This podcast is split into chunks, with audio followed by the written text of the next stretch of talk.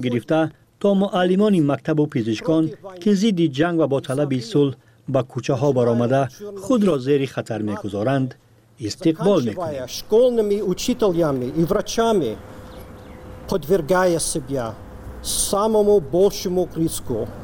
дар остонаи солгарди дуввуми ҳамлаи русия ба украина иттиҳоди аврупо бастаи сенздаҳуми таҳримҳо нисбати 106 мақом ва 88 муассисаи муқассир дар ҳамлаҳои низомии русия таҳримҳои наверо роҳандозӣ кард аз соли 2022 то ба ҳол иттиҳоди аврупо дар маҷмӯъ нисбати 2000 мансабдори русия таҳримҳо ҷорӣ кардааст.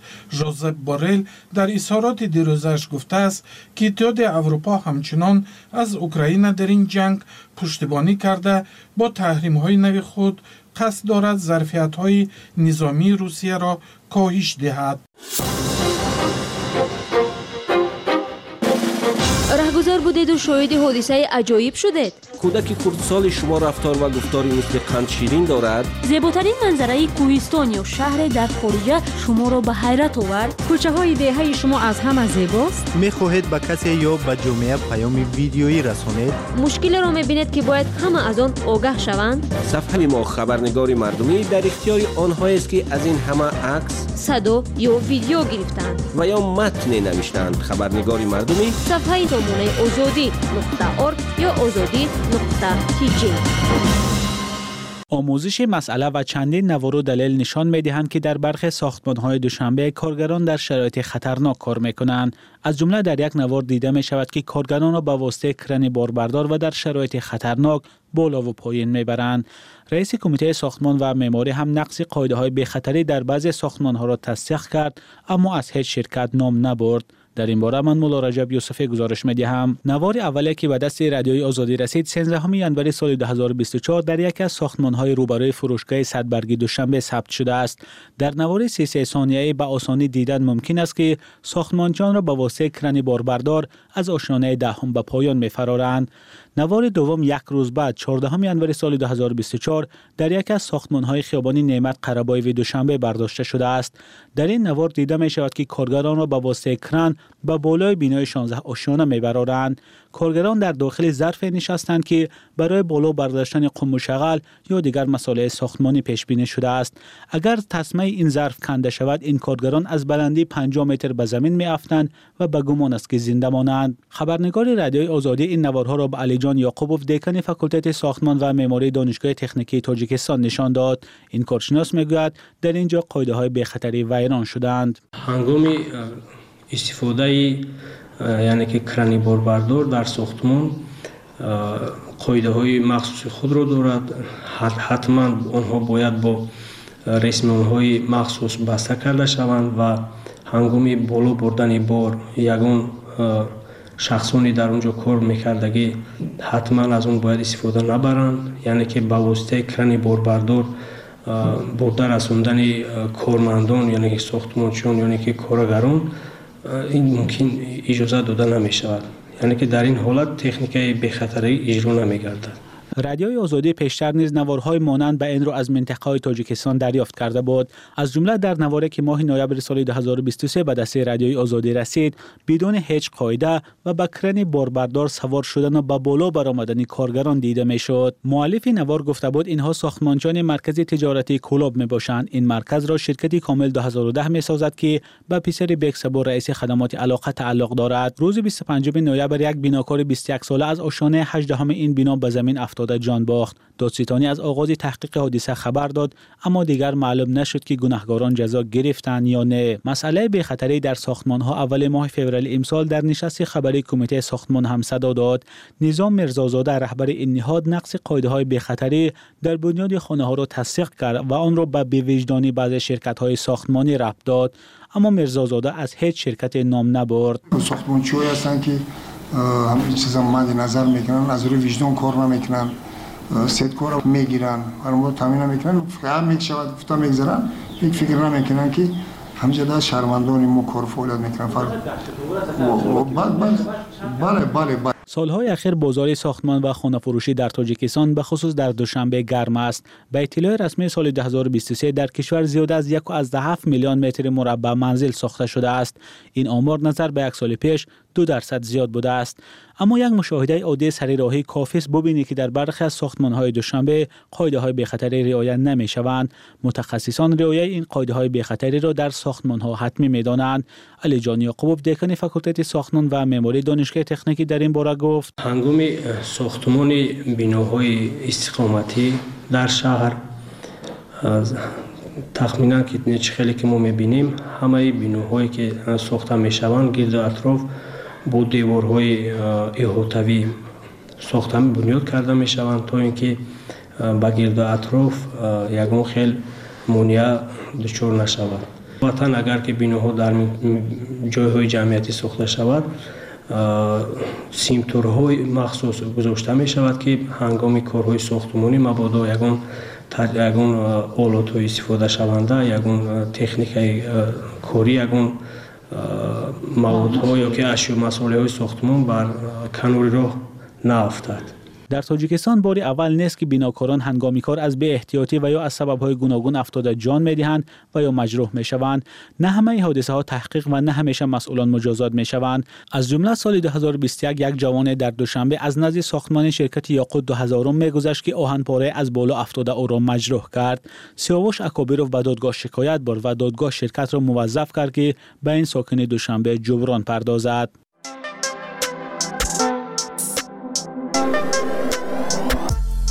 танҳо садост ки мемонад. Ганҷи шойгон. Аз гузаштаҳо ногуфтаҳо ва ношунидаҳо. Дар подкасти салими аюбзод салому алайкум мухлисону ҷӯяндагони ганҷи шойгон мегӯянд э, норозиёни сиёсатҳои ҳукумати тоҷикистон дар кишвар э, аз ҳисоби бебарқӣ бекорӣ камии маош э, муҳоҷирати густарда фасоду ришват хишу таборбозӣ беадолатии додгоҳ ва гоҳе ҳам зулми ошкоро ва мушкилоти дигар то рафт бештар мешаванд. Вале онҳо илоҷи баёни андеша ё нишон додани эътирози худ ё пешгузоштани талабҳояшонро надоранд. یک همصحبت ما چند پیش گفت نه یگان کسی جسوری هست که سرور ناراضیان باشد و نه یگان حزب سیاسی که در کشور منفیت آنها را در پارلمان یا نزد حکومت دفاع کند. وی گفت کشور در قبضه دست یک نفر است همه چی را او حل می و پارلمانی که با خواست او شکل گرفته است بیانگر اراده اکثریت اهالی نیست. ҳизбҳои сиёсии мавҷуда кисагиянд ва низ ба даҳони ин шахс нигоҳ мекунанд.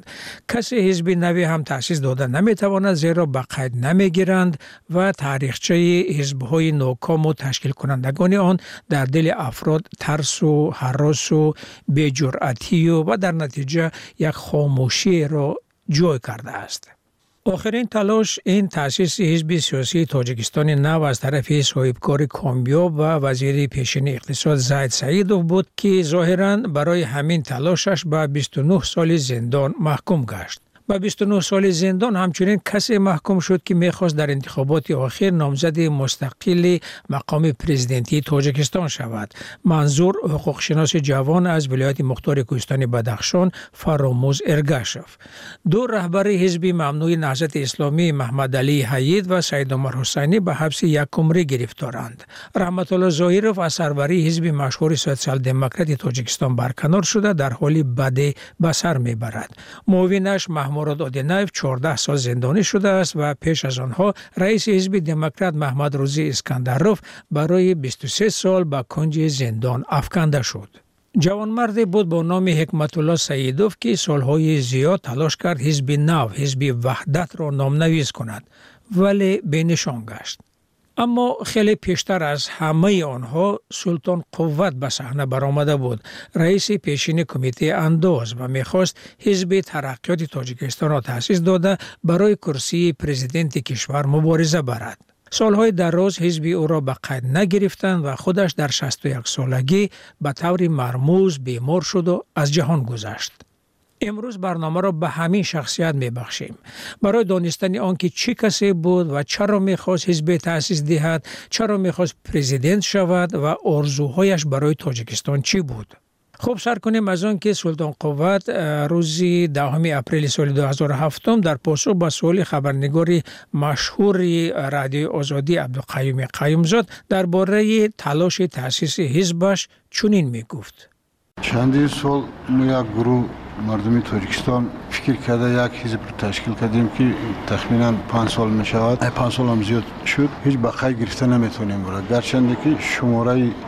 جانب دارای ما از ده هزار هم زیاد ده هزار عرضه است. تا امروز هیچ را به خیر نگرفتن با هر بهانه از طرف وزارت عدلیه به خیر گرفته نشده است.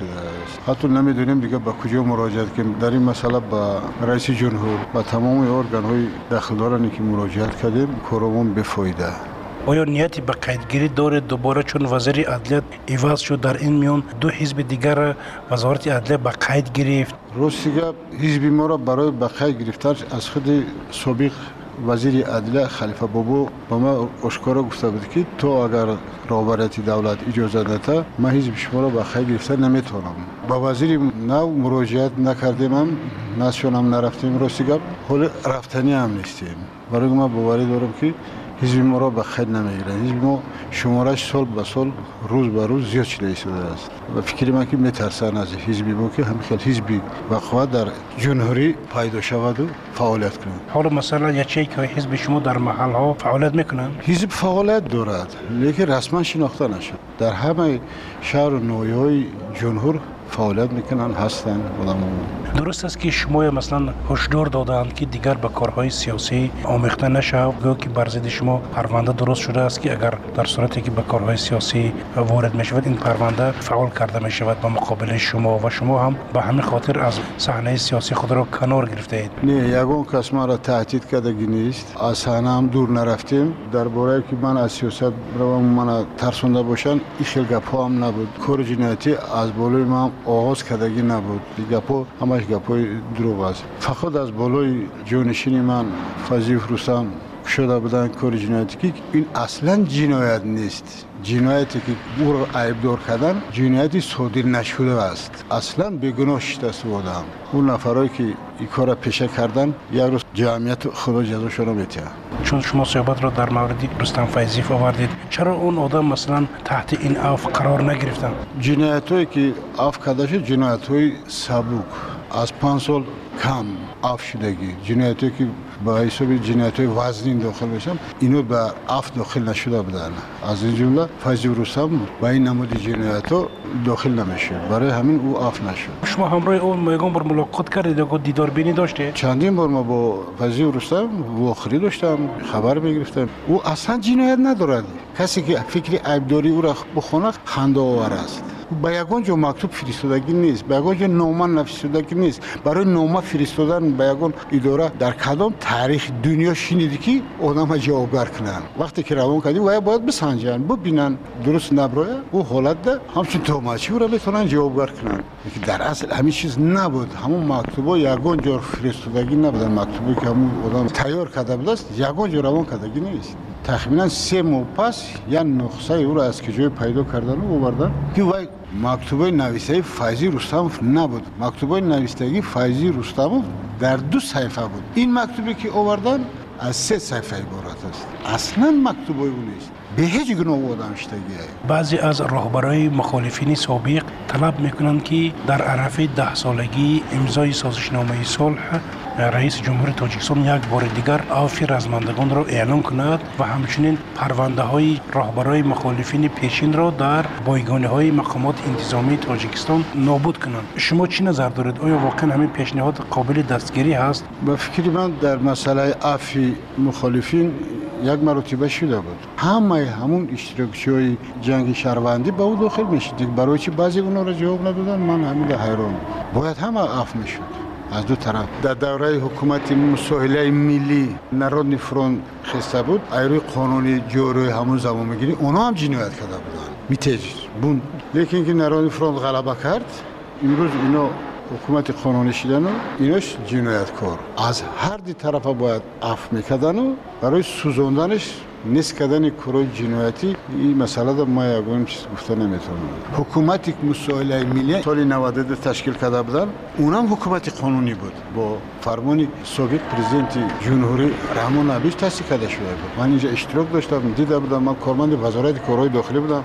بعضی کارشناسا بر این نظرند که سلطان قوت در بین جامعه یک شخص مطرح است و از پشتیبانی زیادی مردم برخوردار است و امکان دارد به سیاست برگردد. نظر خود شما چی است؟ آیا مثلا شما تلاش ها خواهید کرد برای وارد شدن به سیاست؟ انتخاباتی که مجلس اولی که گذشت من در یک روزنامه در این باره گفته بودم مردم ما دانش سیاسی ندارند مردم ما اصلا از سیاست دورند در همه قانون درباره حزب سیاسی گفته شده است که به یک ягон иҷоза аз тарафи ҳукумат без ягон фишор иҷозат аст ки як ҳизби сиёсӣ тартиб дӣ не ки дар кадом аксарияти нооёе ки намояндои мо набуданд зери фишори органҳои ҳизби ҳуқуқ монданд дар ин бора ма ба прокуратураи ҷумҳурӣ ба раиси ҷумҳур ба ҳама ҷо муроҷиат кардем гӯё ки ягон гап нагузаштааст ягон чиз нашудааст худатон чӣ ният доред оё нияти бозгашт доред масалан иштирок дар интихоботҳо доред ҳамин мардумон ки دانش سیاسی پیدا کرد و حتما من برمیگرد شما راه مبارزه با کرپسی در تاجیکستان را چگونه می‌بینید؟ چون سالهای زیاد کارمند حفظ حقوق بودید.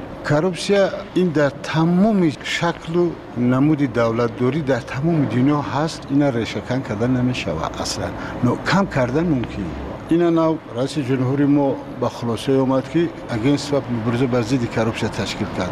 لیکن بسیار دیری بعد تشکیل کرد. یکم باره که پرزیدنت شده بود اون وقت در پروگرامش نوشته شده بود که حتما من کمیته درباره کرپسیا تشکیل می‌کنم و بر ضد کرپسیا مبارزه می‌کنم لیکن این کار رئیس جمهوری ما نکرد. سببش خودش بدونه و خدای تعالی. لیکن برای چی روز به روز کرپسیا در جمهوری ما اوج گرفت و ریشه دوان مثل اجریق میگیم زرپیشک هم کم بدترین از زرپیشک های کرکی حاضر مردم شوخی می‌کنن که بی پول سلام تا علیک نمی‌گیرن. یکم خطاگی در جنوری امی بود که در نزد وزارت کارهای داخلی اوپرالین مبارزه بر ضد جنایت اقتصادی بود. این اوپرالین را برهم دادن. برای دزدان رخ شده شد. تو این کروپچه را تشکیل کردن در نزد پرکراتور و اپرالین مخصوص برای کروپچه شدن کی خود شما فکر کنید پرکراتور روسیه همه قانونا را نظارت می‌بره همه ارگانا را نظارت می‌بره همه حقوق دوره حاجت در نزد پرکراتور شدن همین کروپچه نبود. موفق قانونهای جوری جمهوری همه حقوق کارمندان پرکراتور ندارد قانون درباره جستجوی فعالی است که همین پرکراتور این حقوق ندارد در حالتی که ندوشه به واسطه چی و یا این کار می‌کردن. مبارزه می‌برد. حاضر تشکیل کردن اگینس و پاور بس کروم ما من باوری دارم که سفوز متخصص در جمهوری نمی آوان و فکر من باز یک پرکراتور دیگه شده. فکر من ممکن مصرف کنم. یک پرکراتور بود با یک پرکراتور دیگه شده. در وزارت و کمیته که اصلا از یک قام از یک اولاد عبارت است او هیچ وقت پیش رفته نمی‌تونه. در دولت های ترقی کرده دموکراتی در وزارت که راهبرش پدرش پسرش کار نمی‌کنه. دوره شوروی هم همین خیلی. بود در نمی‌دونم. همین دستور خشتبارگری باشه و قهمچی باشه اولوچی باشه این دولت ما پیش نمیره و ترقی نمی‌کنه. برای چی بسیار راه میگن که اینوستورهای خارجی به ما نمیاد. این اساسش کرپسی است. اساسش کرپسی که همون سهمیه که ای خارج میاد آدمای ما از اونا یک چی نیمچی امید دارند یعنی ده فویز میگه به ما یکی پنج فویز به ما. برای همین هم یعنی یک مثال دیوم زمین در ما مالکت دولتی است. اگر همین زمین مالکت شخصی و دولتی میشه با خیلی خوب میشه مالکیت دولتی بشه و شخصی بشه در مو مالکیت دولت از زمین چی خیلی می‌خواه؟ همون خیلی استفاده می‌برد ما همون چی خیلی که میگن در زمین دولت کوارتیرانتیم اینو درسته. اوضاع کردیم تمام دلگه مو استقلالیت استقلالیت سه سوتیخ یا که چهار سوتیخ یا که پنج سوتیخ زمین من می‌خرم. اینی من میشه بالای همون آزاد قدم می‌زنم. این از استقلالیت.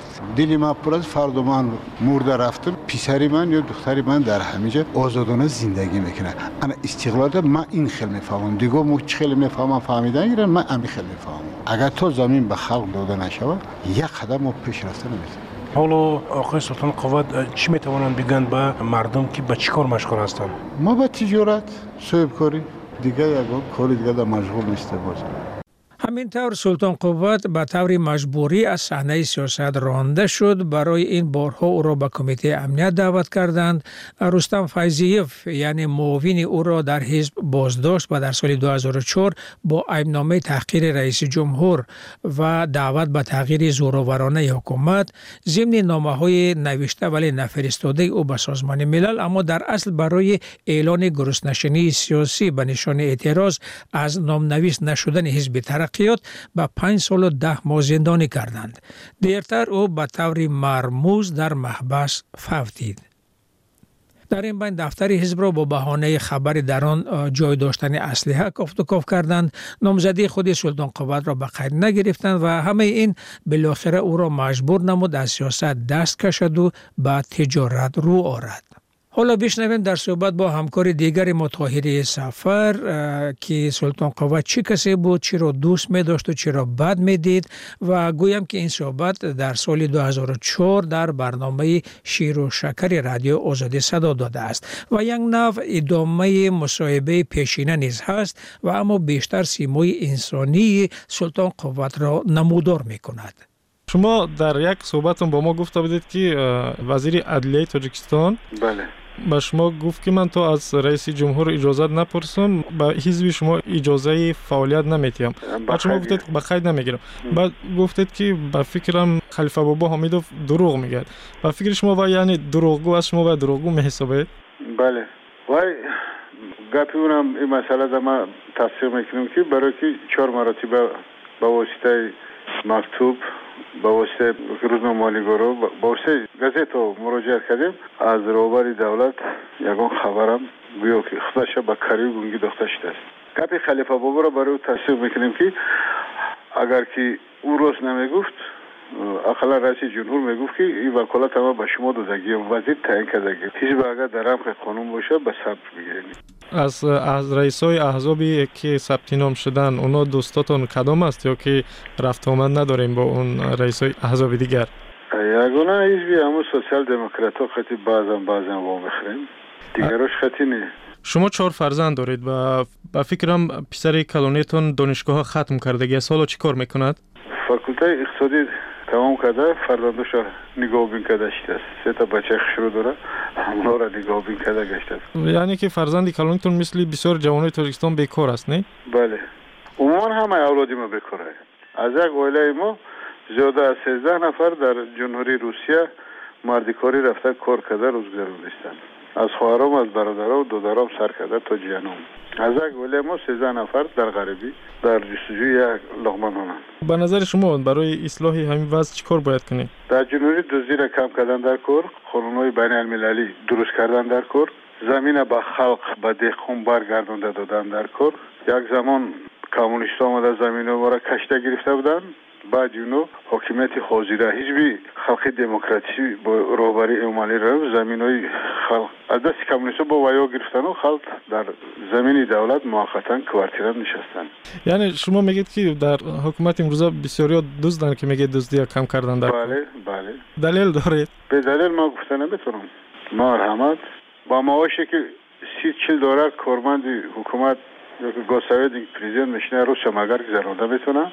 300 400 میلیون دلار خانه می‌شد مگر این دزدی نیست؟ خب از سیاست مدارا امروزه به کی بیشتر اعتماد داره؟ با پارتی سوسیال دموکرات. از زایده از منصبدارای دولتی چی؟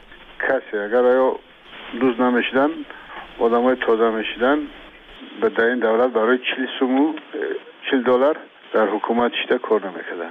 با 40 50 دلار روز مگر میگذره؟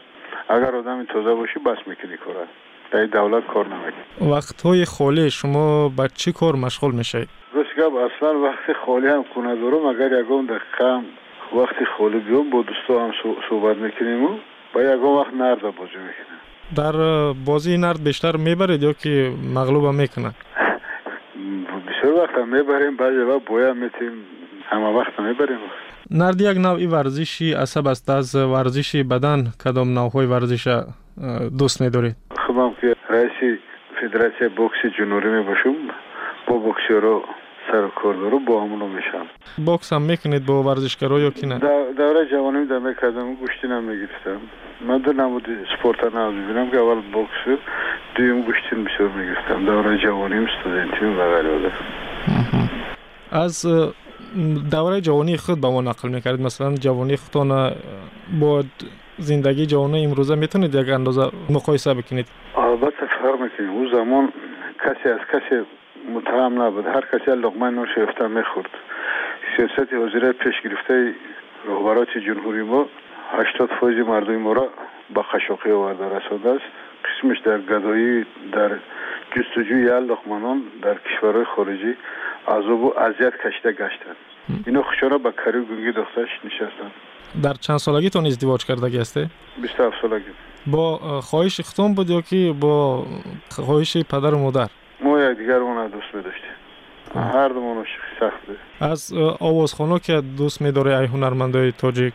ای هنرمندای تاجیک اپای نگینه رو پواره. تاون پخته می‌تونید یا که نه؟ یگان نوی تاون پخته می‌تونید قریب همه تاون را پخته می‌تونم. کدامش بهتر میپذید اوش خوب کده می‌تونم شوربا کده می‌تونم لگمه پخته می‌تونم ششلیکای خوب کرده می‌تونم و اینا کدام وقت بیشتر میپذید و گاه گاه یگان دوستی نزدیکم بکار مو نمیره یگان وقت میپذید با یگان دوستم مهمانم در خدام میشه وقت میپذید از خصلت های مردمی تاجیک به شما کدامش بیشتر پسند است؟ مردم ما خصلت خوب دارن که کفن هم که نداشته باشن یک مهمان که آمد آخران لقمه ناشه پیش مهمان در می‌گذاره. کدامش نمیپسنده مردم ما را سیاست پیشگرفته رهبریت وزیر جمهوری پنج رویه هم کرده است. من نفهمیدم منظور شما.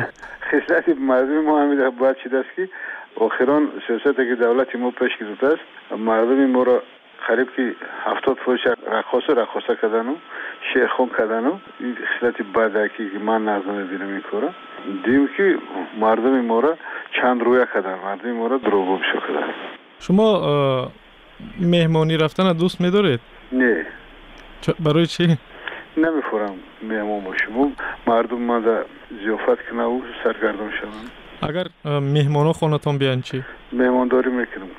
کفن ما برآورده میدم تشکری زیاد به شما رئیس حزب ترقیات تاجیکستان سلطان قوت مهمان محفلی امروزه شیر و شکر بود. روحش شاد بود سلطان قوت را که یاد از شرکتی او کردیم در برنامه های رادیو آزادی. یک نکته مهم نیز باید گفته شود که سلطان قوت حقوق شناس قوی و زاده کولاب بود منطقه که عملا امام علی رحمان را به قدرت رساند و هنوز از همان اول مورد توجه مخصوص او و حکومتش بود. و همچنین کادر زمان شوروی بود سلطان قوت که هنوز از سال 1984 مهمترین نهادهای مبارزه با бо ҷинояатҳои иқтисодиро сарбарӣ мекард ва асирро асрори зиёде хабар дошт. Ба як калима гӯем одами нобоб ва барои раҳбарон хатарнок. Ин подкасти ганҷи шойгон буд. Агар писанди шумо омад лутфан зери он лайк гузоред онро ба дӯстони худ фиристед ва фикру андешае доред дар шарҳҳо бинависед. Озодона вале бо нигаҳдории одоби сухан. Худо нигаҳдор. در راه هستید مهمونی یا در جای کور مهمونی یا در جای کور علاجه خواندن ندارید امکان دیدن هم. امکان دیدن هم. پادکست رادیوی آزادی را بشنوید. نقل گوشکی تنها برای شما. در وقت دلخواه و جای دلخواه.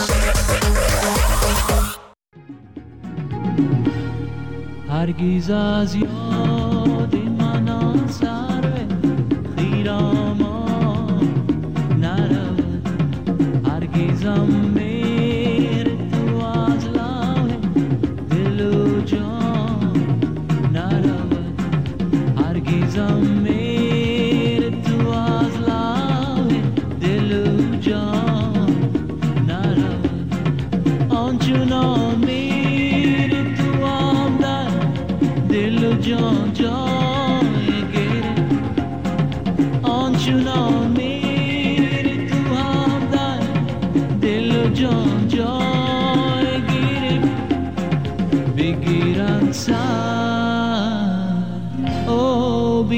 سر